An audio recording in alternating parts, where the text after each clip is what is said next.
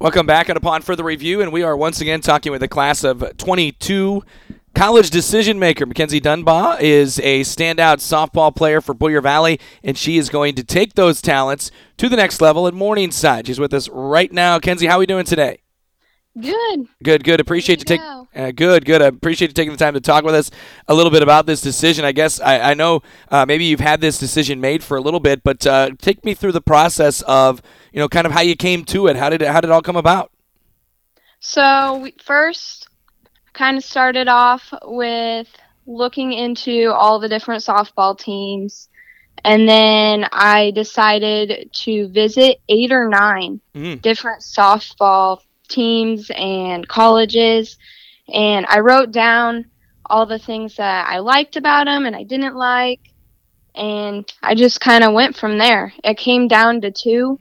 And then if my sister asks, she made the decision. but that's, yeah. Yeah, awesome. Well, you uh, so tell me about the two schools. Obviously, Morningside being one of those. Then, how did you kind of break it down into deciding on Morningside? To be honest, between the two schools, it came down to which one I felt more comfortable at and which one I felt like I would connect more with. And it ended up being Morningside. I got a really good sense of family when I was there, and the coaches that I met were amazing, and I felt really involved already. Yeah, great. We're talking again with Kenzie Dumbaugh from Boyer Valley. She's going to take her softball talents to the next level with uh, Morningside. And uh, I guess, uh, Kenzie, tell me a little bit about uh, Morningside. You mentioned some things there. Uh, anything else, uh, you know, specific about the school or the program that really stood out to you that you really liked about Morningside? Morningside's a very team played. They are huge when it comes to playing as a team, which stood out to me tremendously when making my decision. And then just the family feel I got from just stepping on campus. Mm-hmm. When did you kind of start to realize or think about, you know, taking softball to to the next level and getting a chance to play the next level? When when did that, you know, kind of start to come into your, you know, thought process, I guess?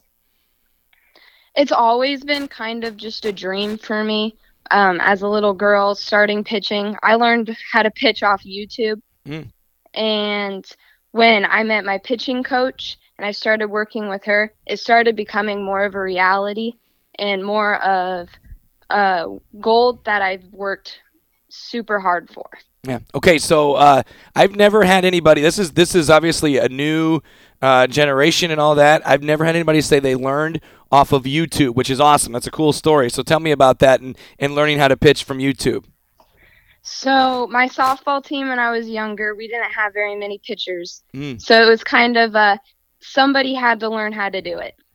And so me and my dad, we worked really hard and YouTubed so many videos and somehow figured out how to do somewhat of somewhat of the fundamentals for pitching. Right before you got into your, your pitching coach there, Kenzie Dumbaugh again from Boyer Valley, going to pitch at Morningside. Okay, so uh, tell me a bit about you know the uh, the feeling now. Obviously, getting this decision done, knowing that you're going to be able to play at college in college, and, and what's that mean to you?